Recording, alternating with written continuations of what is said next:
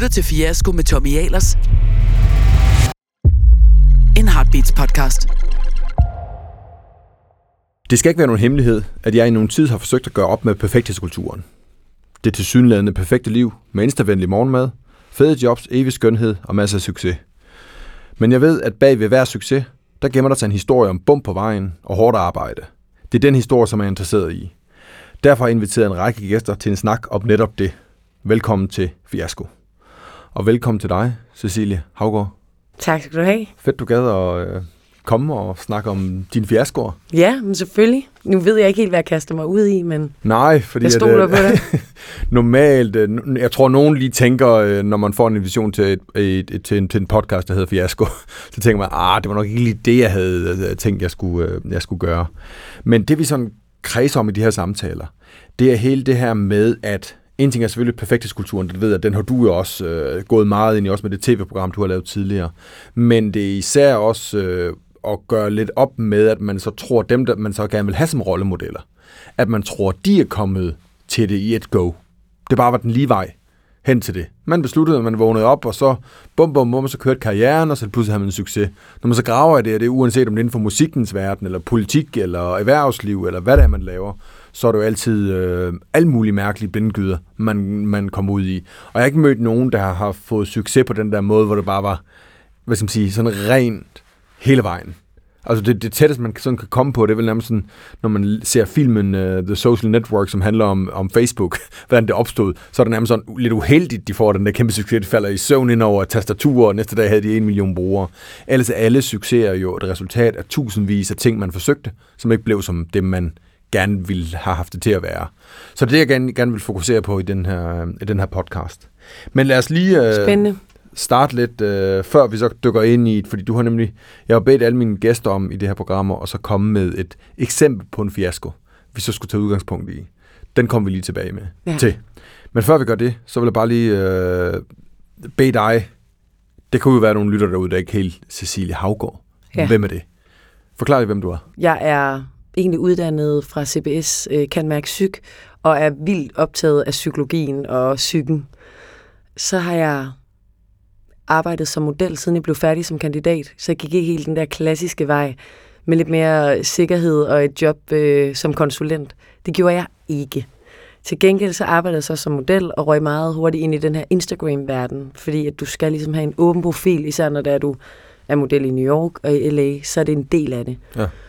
Og det var jo meget en verden, hvor det var, at jeg skulle vise de bedste billeder og vise mig fra mine bedste sider, fordi det var lidt mit øh, personlige portefolie, som jeg blev booket på. Og samtidig så blev jeg så kærester med Christoffer, musikeren, som øh, gjorde, at der var en hel masse opmærksomhed omkring mig, omkring hvem jeg egentlig var. Og der var så også nogle usikkerheder for mit vedkommende omkring at lægge billeder op, fordi lige pludselig kunne de jo dømme mig på alt muligt. Ja. Og folk havde en holdning til mig, og alle mulige kommentarer til, hvem jeg var og hvad jeg gjorde. Så jeg tror, jeg dykker ind i hele den her Instagram-verden, og det begynder også at være noget, som jeg lever af, samtidig med at jeg lever af at være model. Fordi der er jo en, en kæmpe business-platform i den også. Og når vi kommer tilbage senere til min fiasko, så ligger det jo også i det der med, at jeg lige pludselig øh, vågner op og indser, at jeg er fanget midt i den her glansbilledbog, som jeg selv er øh, frivilligt gået ind i, uden egentlig at vide, hvilke konsekvenser det førte med sig. Og jeg er med til at bevare hele den her perfekthedskultur og glansbilledbog, fordi jeg ligger op, hvad jeg, altså jeg matcher det, jeg ser, for netop også at føle, at jeg er at det kører for mig, og for at få den anerkendelse derinde. Så det bliver lidt sådan en, et sprog inde i en social medieverden, som jeg ikke havde tidligere. Hvor før der føler jeg, jeg har ikke noget problem med at være autentisk på nogen måde. Men lige præcis på sociale medier, hvor du skal lægge noget op og blive bedømt ud fra det, så lægger du det op, som du, føler, som du tror, folk bedst kan rumme og bedst kan lide. Det gjorde jeg i hvert fald. Men det gjorde så også, at jeg ligesom, da jeg fik den her bevidsthed, gjorde, tænkte, jeg skal gøre noget ved det. Jeg blev nødt til, altså hvad er det, der sker, og hvad er det, der sker med mig, og hvordan kan mit ellers så altså ukulige selvværd og min selvtillid, hvordan kan den blive så meget påvirket af noget, som jeg jo egentlig godt ved, bare er en poleret verden.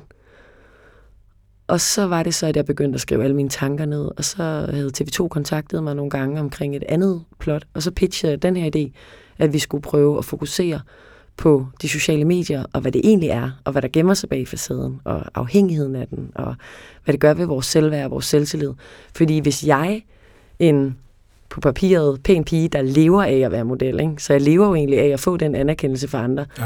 og jeg manglede ikke noget, jeg mangler ikke noget, jeg har det godt, altså jeg er snot forkælet i livet.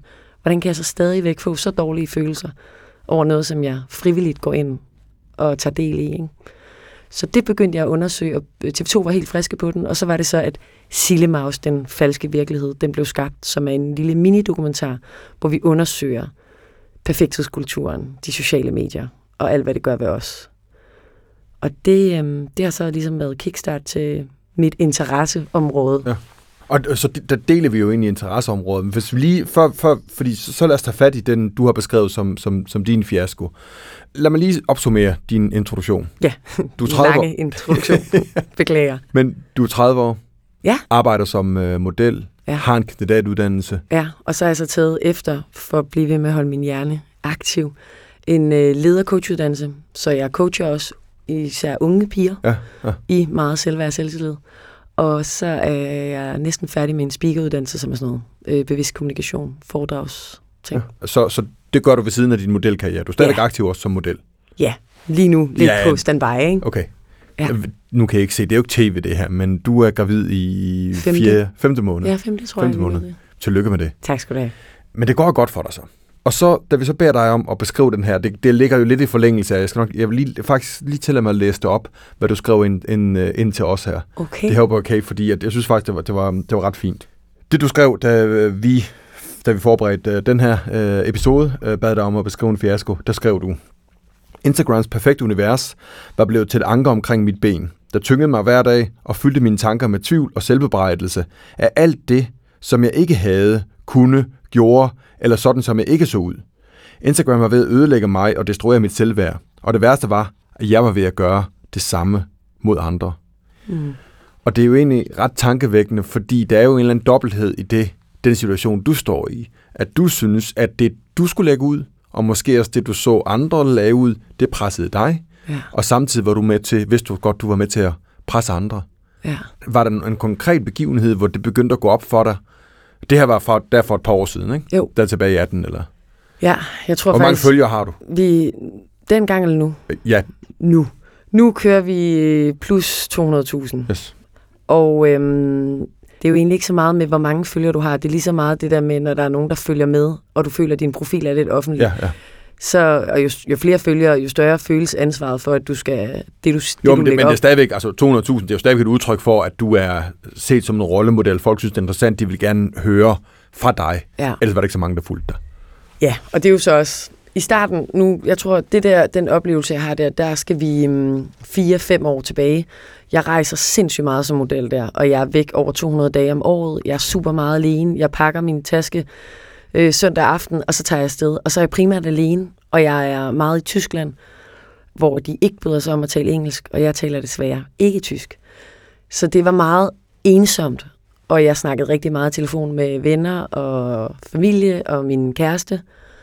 Men det var stadig Instagram, der blev lidt den der min tro følgesvend. Altså, og det var en hård følgesvend, fordi at min mobil var lidt blevet en forlængelse af min højre hånd, og Instagram var både det, der var med til at underholde mig, inspirere mig og give mig den her anerkendelse med likes, hvor dopaminen den farer rundt i kroppen og tænker sådan, fedt, og så var det et øjeblik, og så ikke alligevel. Så, var det, eller så er det bare hult og tomt. Så på den måde, der fik det mig også til at sætte barn for, hvad jeg selv skulle præstere, og mine egne succeser, ekstremt højt, og forventningerne til mig selv blev tårnhøje. Så det er jo relativt, hvad vi måler os med. Og selvom at jeg var booket hele tiden som model, så sammenlignede jeg mig med Victoria's Secret-modeller og øh, internationale topmodeller, hvor når du ser deres profil med plus en million følgere, ja. så er de jo altså ovenud perfekte. De er totalt bikini-modeller alle sammen, og det hele ser så... Altså, øh, det jeg kunne se, når jeg kiggede mig i spejlet, det var sådan, ej, hvis jeg bare havde en lidt smallere talje, hvis min hofter var lidt mindre, hvis mine læber var lidt større, hvis det var mit ansigtsform var lidt anderledes, hvis det var mit hår var lidt længere, så kunne det være, at jeg kunne lande nogle af de der internationale store kampagner, og ikke bare skyde et eller andet tysk esprit, eller whatever. Altså, du ved, min målestok blev bare sat, altså min bare, mit benchmark blev sat så højt, at jeg ikke selv kunne følge med i det. Og jeg var jo ikke bevidst om det de første mange år. Der tænkte jeg bare sådan, du ved, jeg kunne høre på mine normale mine veninder, som ikke levede af at være model, de var også råd ind i den der. Ja. De lavede også, du ved, gik på arbejde, og de skulle lige nå op og træne først, og de skulle, de skulle til middag om aftenen for lige at nå at se deres sociale ting, og så skulle de træne igen næste morgen, og de var så udkørt af det hamsterhjul. Og de kunne sidde og føle, at ej, altså det blev sådan en... Ja, altså inden jeg blev virkelig bevidst om det og gjorde noget ved det, så var det bare sådan, det var jo et fængsel, som vi havde sat os selv i. Og jeg havde også sat mig selv i det. Så det, der sker der for cirka fem år siden, det er, at jeg er på et hotelværelse. Jeg kommer hjem fra et eller andet job, som jeg vil kategorisere som sådan noget fabriksarbejde. For det er jo også det, der er. Mm. Modelarbejde, mega fedt, når du bliver sendt to uger til Colombia og skal skyde med øh, de fedeste fotografer og bliver sendt ud til en ny ø hver dag. Men det der med at vågne op i Düsseldorf, og det bare er gråt udenfor, og du sover i en eller anden øh, plastikseng, hvor det hele det lugter, og det er koldt, og det er uschammerende, og der er ikke nogen, der spørger ind til dig i løbet af dagen, og alle samtaler, du sætter i gang, er ligegyldige. Så bliver det bare tomt og ensomt. Og så kom jeg hjem fra job den her dag, og lå på hotelværelset, og så efter en halv time, der er jo det der undersøgelse viser, at jo lige så snart du er over 14 minutters scrolling, så begynder det at påvirke din hjerne negativt, fordi du får så mange perfekte images mm. og situationer ind i din hjerne, hvor hvis du kan holde det på under, så bliver du ikke lige så påvirket. Anyway, så, så har jeg efter en halv time mærker det der med, hvordan jeg lige pludselig bare finder min egen fejl, og min egen succeser falder mig lidt i andres, i lyset af andres succeser.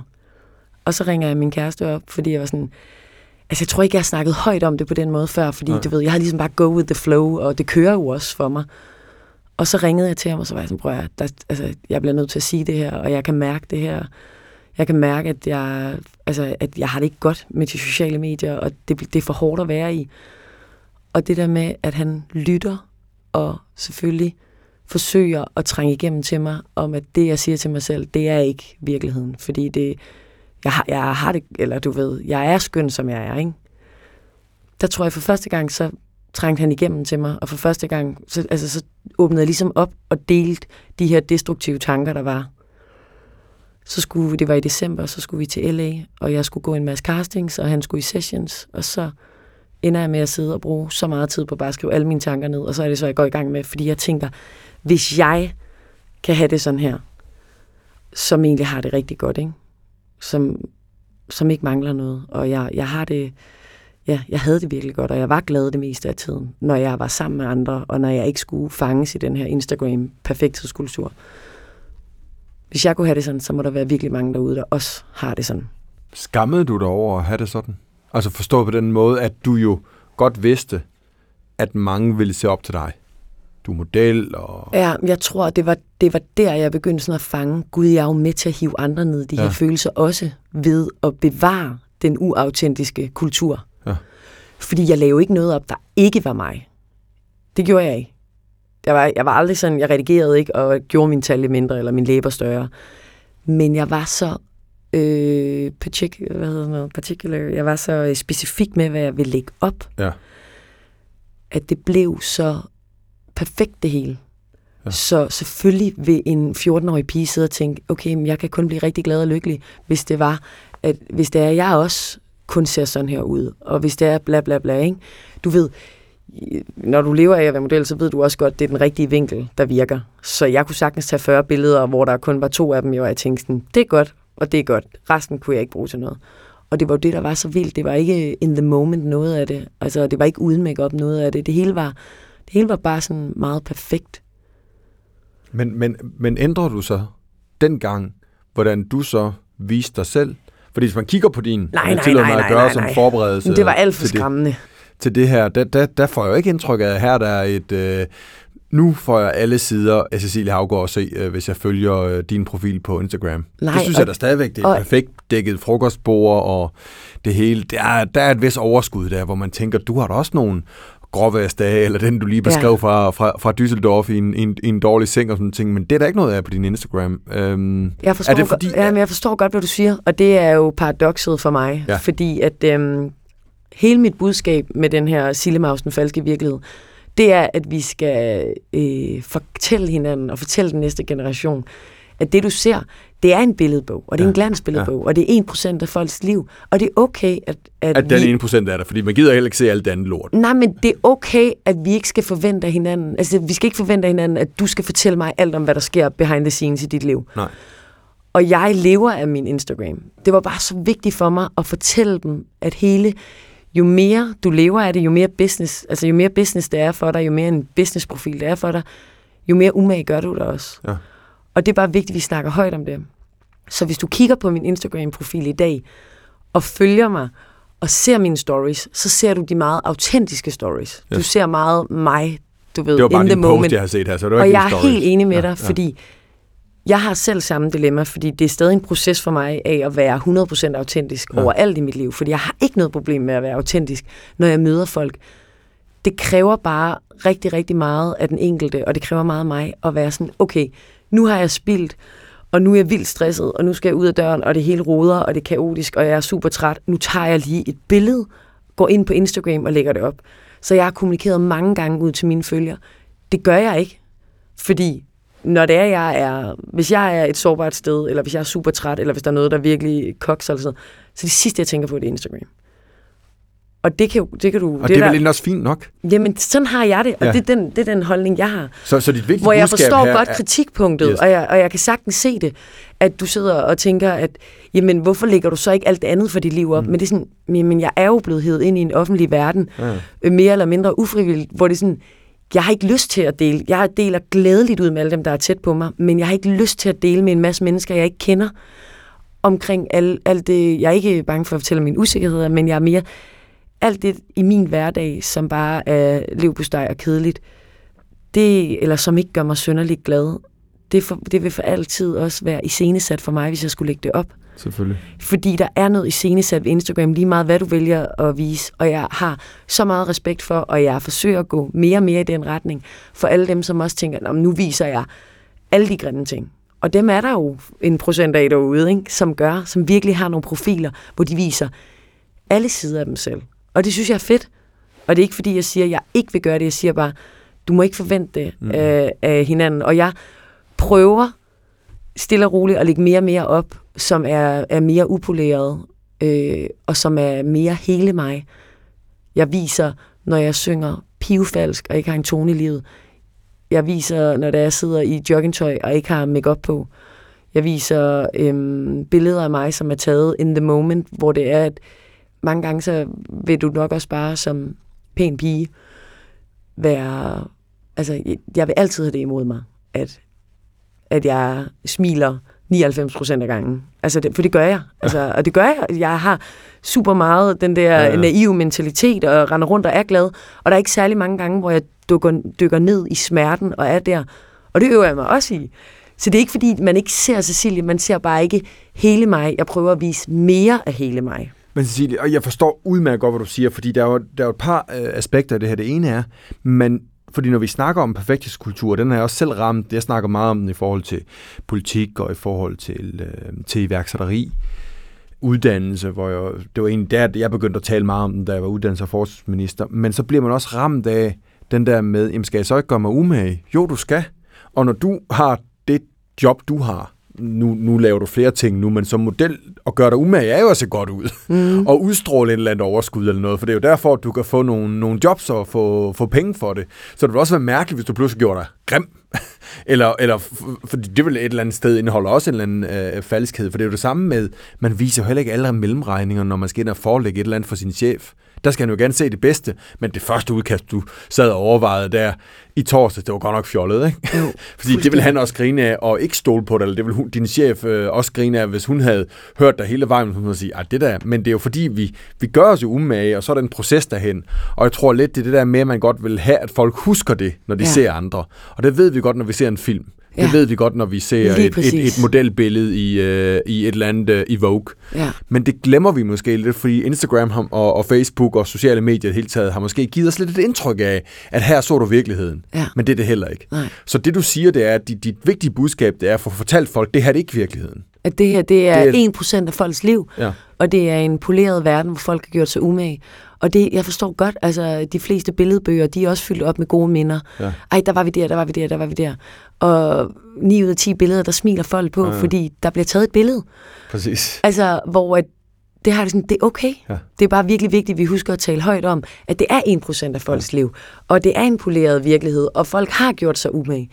Og du, så du ser stadig altså opstillede billeder, eller modelbilleder, eller billeder, hvor jeg har gjort mig umage, inde på min Instagram. Men hvor er det så, du kan kæmpe den... den er, er det så de andre kanaler, som du så har, øh, kvad den offentlighed øh, der omkring, øh, altså at du er en offentlig person, øh, i det omfang, du vælger at være det, er det så der, du skal bruge din energi på at gøre det, du gjorde med TV2-udsendelsen der for et par år siden, og husk at fortælle det, fordi hvis du med, det lyder lidt som om, at det sådan er blevet et, lidt et projekt for dig, at huske at minde folk om det, ikke vælger at bruge det, det, det måske det vildeste talerør, du har, så må du jo bringe nogle andre talerør i spil, for det er jo et super vigtigt budskab, du har. Ja. Er det der? Er det de andre steder, du så skal huske at sige det? Altså alle podcast, du lytter til, hvor jeg er med, der taler jeg meget åben og ærlig. Mm. Og øhm, den øh, minidur, jeg lavede med TV2, det var jo også for virkelig at være åben og ærlig. Og jeg bliver hele tiden klogere.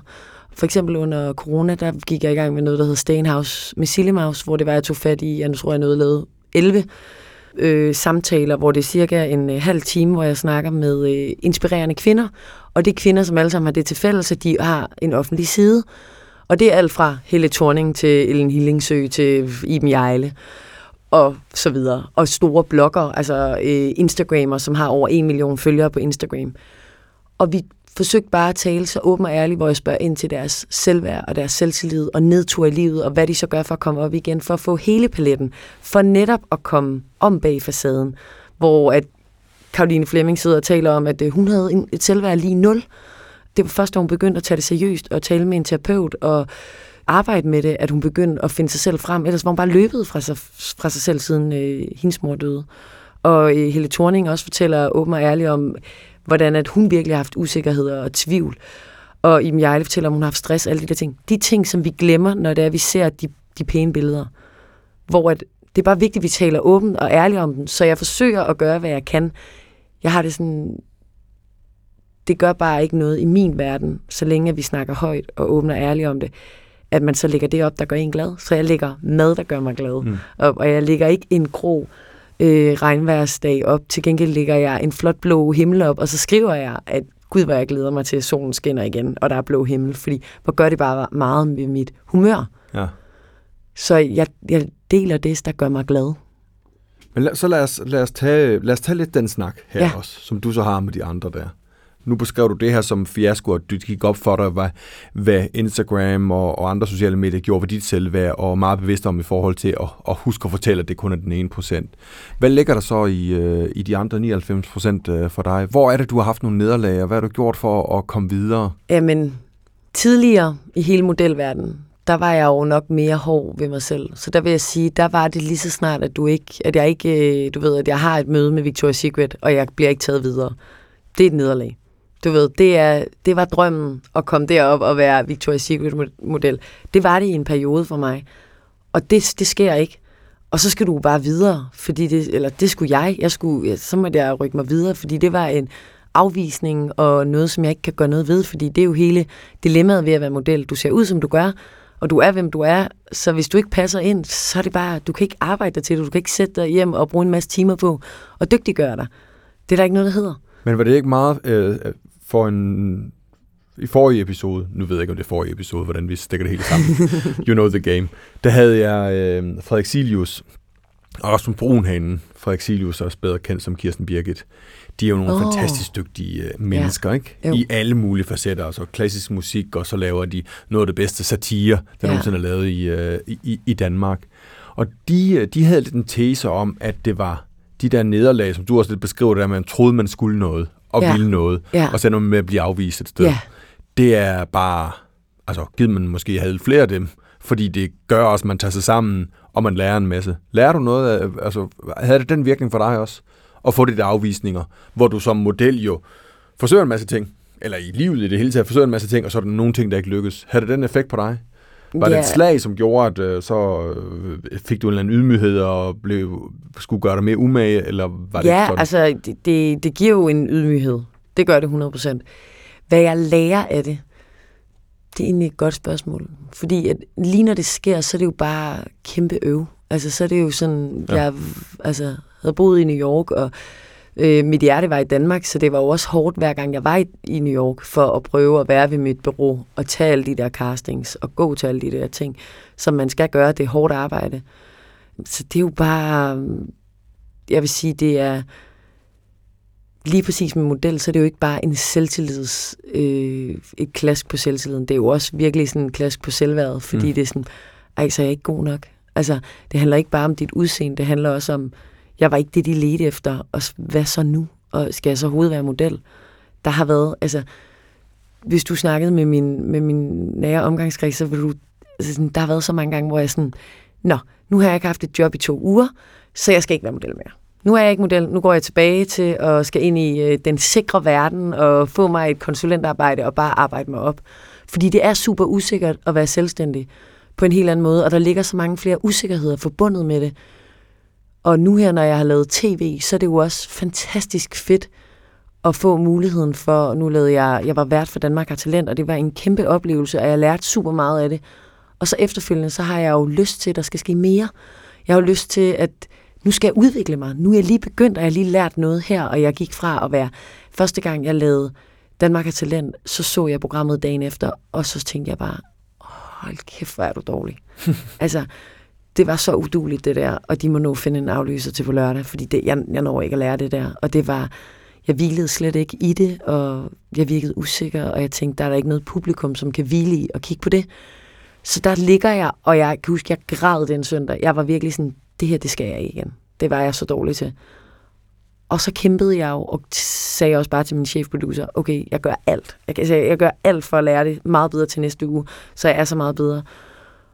Og så efter 10 gange, så føler jeg jo, nu begynder det at køre. Fedt, nu har jeg gjort det her, det var en succes, det var sjovt. Nu vil jeg gerne noget mere. Og så går det måske ikke lige, som jeg gerne vil have det, fordi der kommer ikke noget nyt, som er lige så fedt. Så kan det være, at jeg bliver spurgt med, med nogle forskellige ting. Det skal jeg ikke.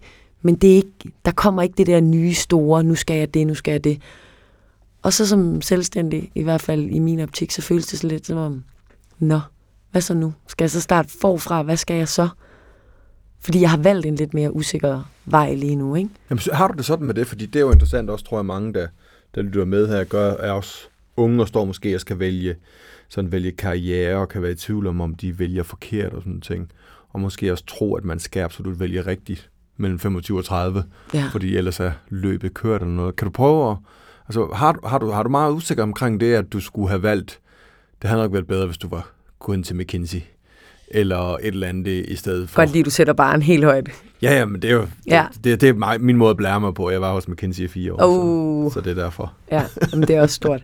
Nej, jeg vil sige, at øhm, nu er jeg 30, og jeg skal være mor om fire måneder, og det, altså, der, der er 100% en anden ro over mig. Ja. Men jeg har altid lidt af en restløshed. Jeg har altid haft den der eventyrdreven, okay, nu skal der ske noget større, vildere, og jeg øh, har været klar til, altså jeg har boet i New York og i LA og i Paris, fordi jeg er klar til, at der skal ske noget stort.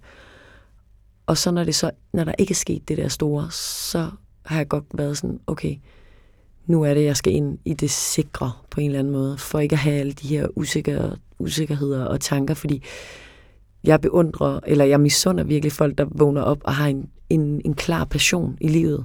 Dem, der bare ved, jamen, det er musik, det er skuespil, det er øh, IT, det er tech, det er et eller andet, hvor de bare tænker, det er det her, jeg bliver tændt af, det er det her, jeg gerne vil. Hvor mit liv er mere været præget af, at jeg kan godt lide det hele. Jeg synes, det hele er sjovt og interessant. Problemet er så bare, at så er der ikke det kan næsten blive min begrænsning, for der er for mange muligheder.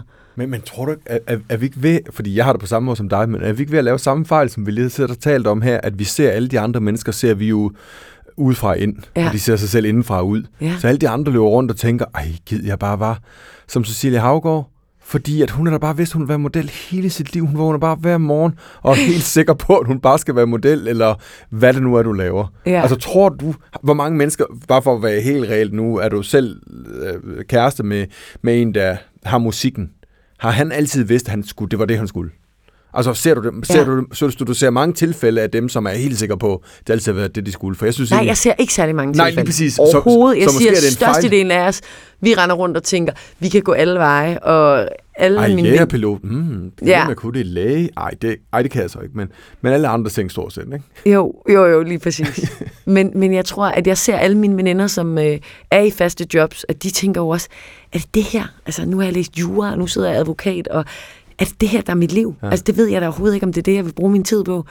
Og sådan, sådan, sådan hører der helt vildt mange af mine veninder også sige, Præcis, men det er det, jeg mener. Så, Ja. ja. så, så, lige pludselig lød det som om, at Jamen, vi det talte som om, at der var nogle andre derude, der de har fundet deres kald, men måske er livet lidt...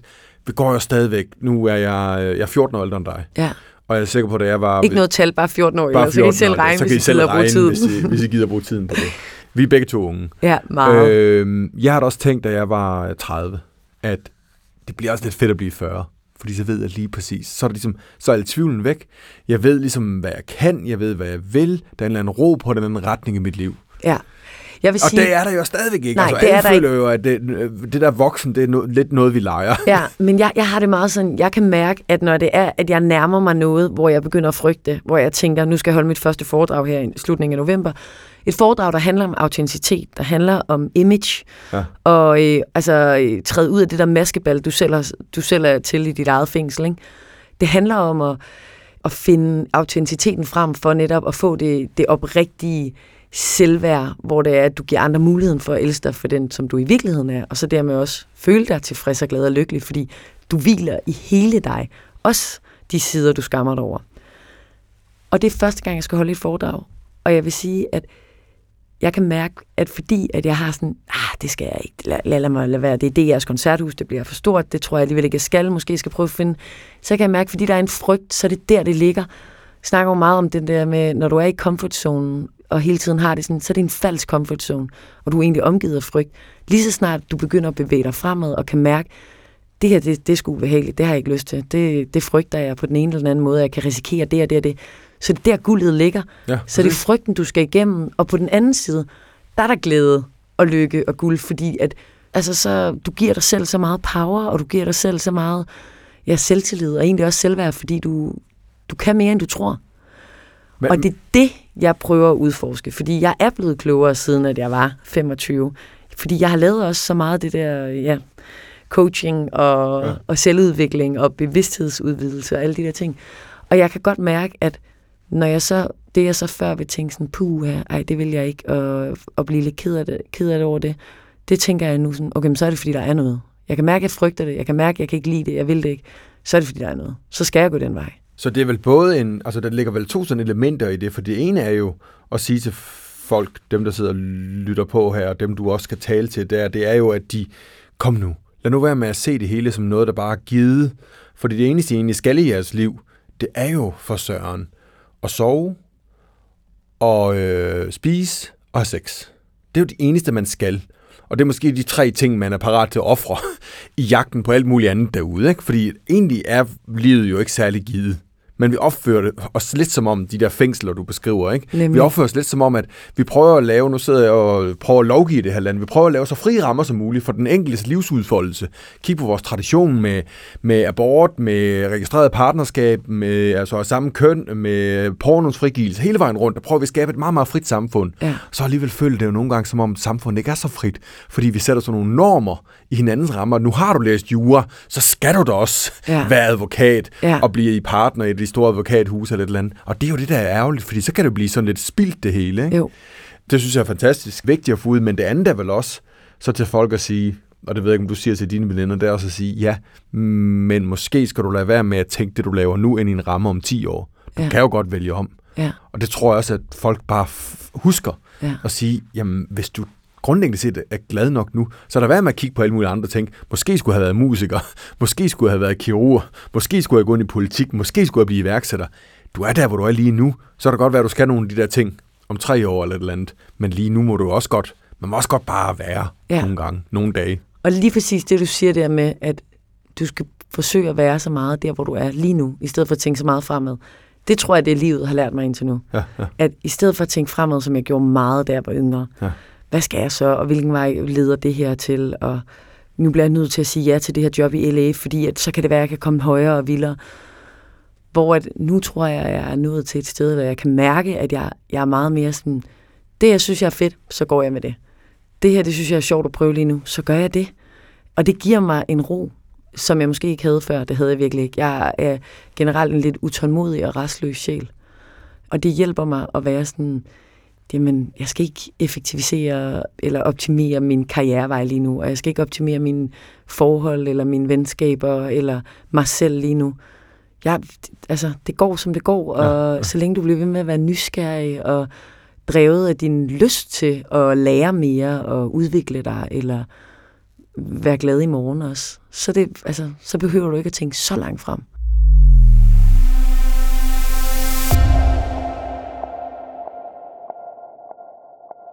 Tror du, hvis vi, hvis vi sådan kigger på den, på unge i dag, du er yngre end mig, så du må godt, du kan mere, lidt mere tale på vegne af de unge.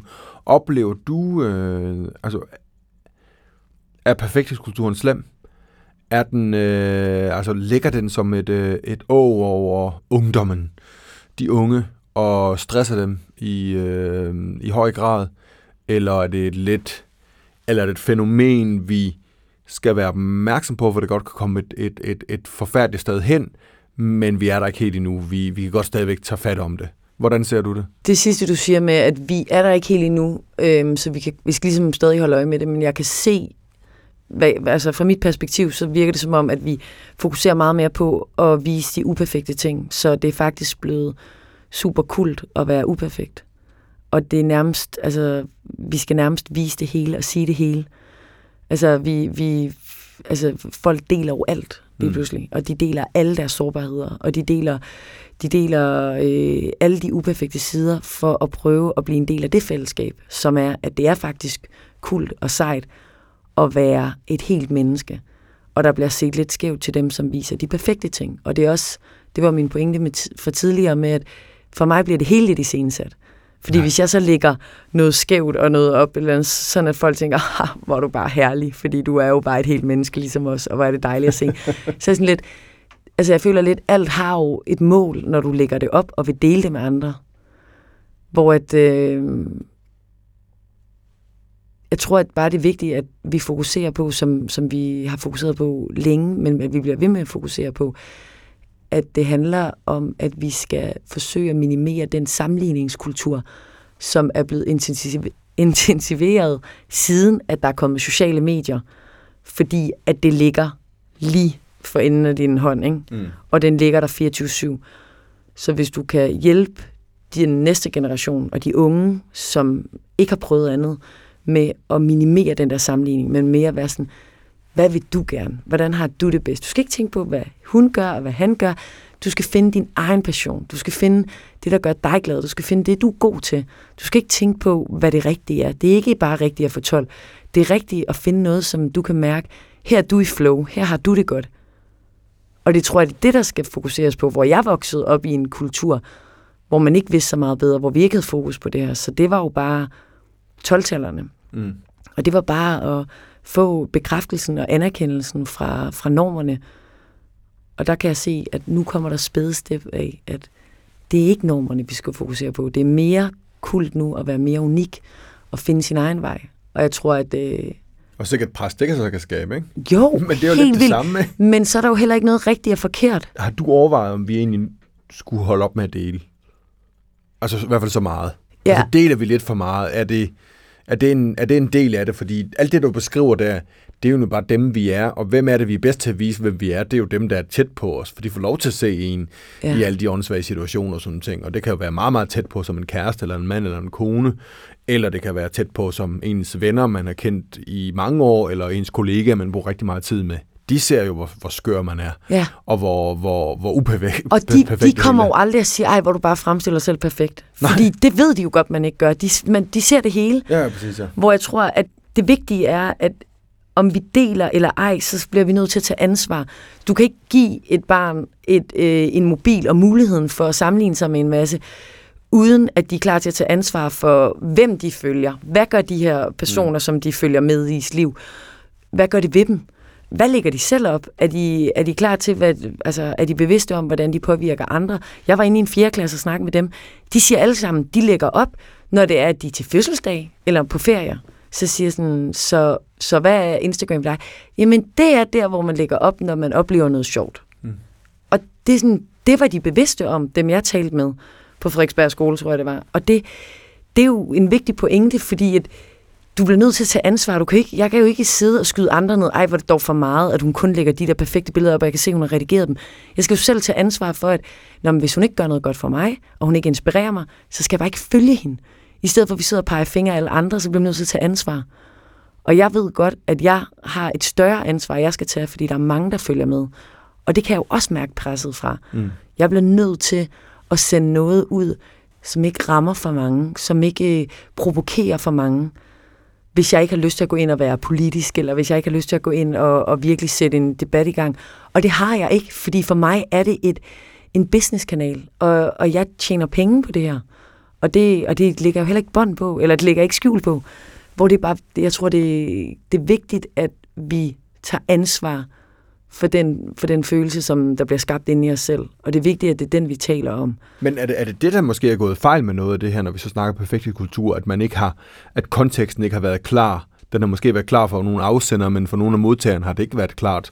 Det du beskriver, der man fra en 4. klasse. Hvis alle dem i den 4. klasse, der følger hinanden, og der er ikke nogen som helst uden for det der lille fællesskab, de har, der følger nogen af dem, så fungerer det vel fint, fordi de alle sammen ved, de billeder, der er der, det er feriebilleder og fødselsdagsbilleder. Ja. Så er der ingen, grund at tro, at folk er på ferie til fødselsdag hele tiden. Jamen, jeg tror, at vi, ligesom jeg selv gjorde, ja.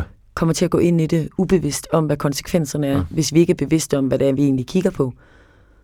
Og nu er jeg meget bevidst om, hvad jeg kigger på, og har forsøgt at lave det der program, så folk kunne se, at alle os, der lever af det, der bliver jo taget 50 billeder, inden der kommer et billede op. Det er jo ikke caught in the moment, jeg gik lige over gaden, og så så jeg så fabulous ud. Det er jo noget, der er, altså, størstedelen af alle influencer, der lever af det, eller blogger, de vælger jo deres outfit ned til mindste detalje, og så hopper de joggingtøjet bagefter.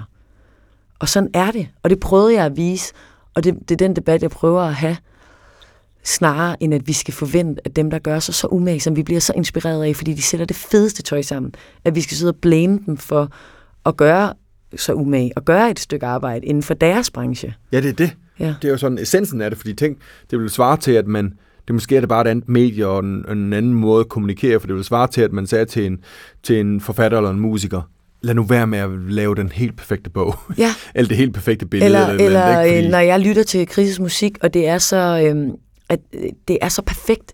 Han synger så perfekt, og han rammer så perfekt, og han, laver den der øh, frekvens.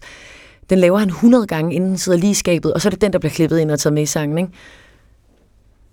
Der er det sådan, vi forventer, at de har gjort sig umage. Vi forventer, at det ikke lyder sådan, uff, der rammer han virkelig. det, det, det lytter du ikke til en plade og tænker, uh, der rammer han ikke. Så har de gjort sig umage og gjort det igen og igen og igen og igen, hvilket er okay. Men det sjove er, at i dag, der er det, det var det, jeg snakkede om med den der nye, sådan lidt mere uperfekte kultur. Jeg kan se inde på mine sociale medier, jeg bliver belønnet, når det er, jeg lægger noget mere øh, uperfekt op. Mm. Selvom det er mindst lige så ægte som det billede i går, hvor jeg rendte rundt ind i Tivoli og var mega glad, at det her helt ulede hår og helt vildt træt, det er lige så ægte, så er det det, jeg bliver belønnet for. Så er det det, folk kan relatere til, fordi i det sekund, vi viser vores sårbarheder, så er det, at vi føler, at vi indgår i et fællesskab, og vi mærker hinanden. Så det, det, det, er jo, det er jo det, der er det paradoxale, fordi det er godt, at vi kan mødes om alle følelser, men du skal ikke gå hjem og sige til din datter, at hun skal vise, når hun er ked af det, for at blive accepteret. Mm. Hun skal bare være bevidst om, at selvfølgelig, når hun lægger øh, et billede op af, hvor hun føler, hun har fået noget pænt tøj på, og hun er rigtig glad den dag, så skal hun bare også vide, at det er det, de andre også gør. Præcis. Altså, jeg, jeg blevet sådan lidt... Jeg har talt meget om, at man skulle dele, dele sine fejl, ikke? Og det kan jeg huske, jeg prøvede faktisk som, øh, som minister at starte sådan en kampagne med del, del dine fejl. Og det fik vi også nogen med på. Det var sådan meget henvendt til de studerende for at, at gøre dem opmærksom på, at alle de andre går også med deres usikkerhed og deres, øh, og deres fejl. Og så var der også nogen, der sådan kommentatorerne derude, der sagde, at nogle debatindlæg, der så tog fat i, ej, er vi nu nået et sted hen, hvor selv min fejl skal være så perfekt, at de kan komme på Instagram. Ja. Og det er jo lidt det, vi taler om her, ikke? Vi skal jo, altså, så noget af det egner sig ikke til det der. Så er der et andet sted, vi må have de samtaler, ikke? Ja. De egner sig ikke. Altså, man kan ikke tage et billede af sine fejl, men man må, så det, det handler jo mest om at bare være fuldstændig... Fuldstændig. Og jeg kan ikke tage ja. et billede af min sårbarhed, eller Nej, usikkerhed, præcis. eller dårlige følelse den dag. Men, men så må vi jo gøre, bruge mere energi på at gøre folk opmærksom på, at sådan, at ja. det der, det er virkeligheden, ikke? Og det gør du med dit program, det kommer du sikkert til at gøre med din, med din foredrag, ikke? Og det er jo den der ægthed, Nemlig. der bare skal være, den skal være plads til. Så kan Facebook og Instagram sagtens, øh, hvad hedder det, eksistere øh, samtidig med. Vi skal bare stadigvæk have fokus på, eller folk skal bare vide det, at det er sådan. Der er ikke nogen, der kommer sovende til det. Der er ikke nogen, der ikke bliver en succes, uden at være, gøre sig umage hver eneste gang. Men der er heller ikke nogen, der har fået en succes ved ikke at lave tusindvis af fejl. Nej, lige hvor de synes, præcis. det var dybt pinligt, og så findes der heller ikke nogen mennesker Eller derude. gået som selvstændig gået masser af veje, hvor du har fået afslag, hvor det føles som sådan, shit, altså, Ja, præcis. nu er jeg slået tilbage, Ja. så det kan jeg ikke det her, eller hvad? Ja. Altså, så må du prøve igen, og igen og igen, før at det egentlig lykkes, og du får det der. Første gang, jeg var til casting på Danmark, øh, Danmark er Talent, jeg var blevet spurgt, om jeg ville komme til casting og være vært på det, så kommer jeg derhen, ved ikke helt, hvordan jeg skal forberede mig, for jeg har ikke prøvet det før, så jeg dukker op, og så tager jeg den derfra, og så får de at vide, ja, de tror, det er et lidt for stort program til mig. Det får jeg at vide. Det er et lidt for stort program til mig, jeg har aldrig lavet øh, værtskab før. Så lad os vente lidt med det. Og der var sådan, ej, seriøst, må jeg prøve en gang mere? Og så var de sådan, okay. Og så øvede jeg mig ja, helt vildt. Præcis. Så kunne jeg det udenad, og så prøvede jeg at slappe af i det, da jeg så var inde og sige det, så jeg kunne være mere til stede som vært, og være mere umiddelbar. Og så fik jeg det. Men det var jo, altså der kunne jeg mærke, jeg frygtede det så meget. Jeg var så usikker. Jeg var så usikker, at jeg nærmest følte, at jeg gik i sort første gang, at jeg stod på scenen, og de sagde 3, 2, 1, og vi er live. Men det var jo det der, fordi jeg vidste bedre på det tidspunkt, så var jeg sådan, jamen jeg ved jo godt, at fordi at jeg frygter det så meget, så er det her, jeg skal gå videre. Ikke? Jeg skal ikke bare sige et nej, et nej. Jeg skal gå efter det. Men du var vel også tvunget til de der situationer. Det er vel også en vigtig pointe, at du var tvunget til at så være ligeglad med, hvad folk tænkte. Jamen, det er jo også noget af det, som jeg øhm, arbejder på, for jeg synes, det er så befriende at være ligeglad med, hvad andre Ja. tænker. Men gud, er det svært. Altså, jeg, jeg var ikke ligeglad med, hvad andre tænkte overhovedet. Og jeg var især ikke ligeglad med, når nogle af dem, der var helt tæt på mig, sagde sådan lidt, ah, det kan jeg godt se, det var ikke helt mig, det der. Og jeg hvilede, altså jeg slappede ikke af, du, mm. jeg var ikke 100% mig selv. Det gjorde ondt. Hvor at, øhm, nogle gange, så tænker jeg, at øh, det, der vil befri mig allermest, det er, hvis jeg glemte, at der var 220.000 følgere, der, der fulgte med. Hvis jeg glemte det, og bare lagde op, hvad jeg sådan tænkte, det har jeg lyst til at lægge op, og ikke noget med, kan folk rumme det, tænker folk, det er for meget, og sådan, men bare var mig, så tror jeg, at jeg, vil, at jeg vil kunne befri mig selv rigtig meget, for jeg har svært ved at tale ind i telefonen, ind i skærmen, fordi jeg bliver for selvbevidst, mm. for jeg kigger på det, og sådan, jeg har en tendens til, at jeg kan læspe lidt, eller kludre i ordene, eller så siger jeg for meget øge, eller et eller andet. Du ved, jeg kan finde alle mine små fejl, der bare gør, så er det bare lidt at lade være. Så, lader jeg bare, så lægger den ikke op. Mm. Fordi jeg, jeg skal jo ikke lægge noget specifikt op. Så det er også, det kræver meget af den enkelte at turde vise alle sine sider frem til en masse mennesker, som man ikke kender, som på en eller anden måde sidder klar til at dømme en. Men, men så tror jeg bare, at man sådan, og det skal måske være de afsluttende ord her, at det, vi kan ikke vise det hele frem, og det skal vi heller ikke. Men i hvert fald i der, hvor man så er tæt på sådan ting, og over for sig selv, så er det mindste der, prøv at være ærlig. Ja, fordi... Både i forhold til, hvordan man ser alt det andet derude, altså de andre, men så også, hvordan man ser sig selv. Og det er selvfølgelig nemmere sagt end gjort, ikke? Jo, men det, det tror jeg er et godt budskab, fordi det er jo, at hvis vi tør vise alle vores sider til vores omgivelser, så giver vi dem også muligheden og chancen for, at de kan elske os for den, som vi i virkeligheden er. Og hjælpe os. Og hjælpe os, og, Altså- der, og støtte os, og derved så bliver kærligheden og anerkendelsen for den, vi så er, Ja. den bliver virkelig, og den bliver noget, vi kan bruge til noget. Og sandheden er, at det viser sig, at jo mere du viser af dig selv, jo mere menneskelig bliver du, og jo mere elskelig bliver du. Altså, vi får jo lyst til at holde mere af hinanden, jo flere sider vi viser. Ja, ja, præcis, ja. og jo mere vi deler af os selv. Ja. Ikke? Så øhm, små skridt hver dag, Yes. og jeg er selv i proces.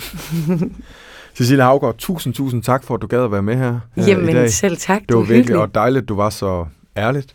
Øh, omkring ærligt, øh, så lavede jeg en fejl. Det var ikke meningen. Og det Ja, ja, gør dig du- jo bare mere Ja, menneskelig og elskelig. og, Ja. ja. og held og lykke med både øh, det kommende moderskab Ja. og det kommende Og alle de for- usikkerheder, og der alle er de der. usikkerheder, og alt det nye, du skal også med, med foredrag det ene. Tak skal du have. for Tak, tak det. fordi man kom. Ja, selv tak.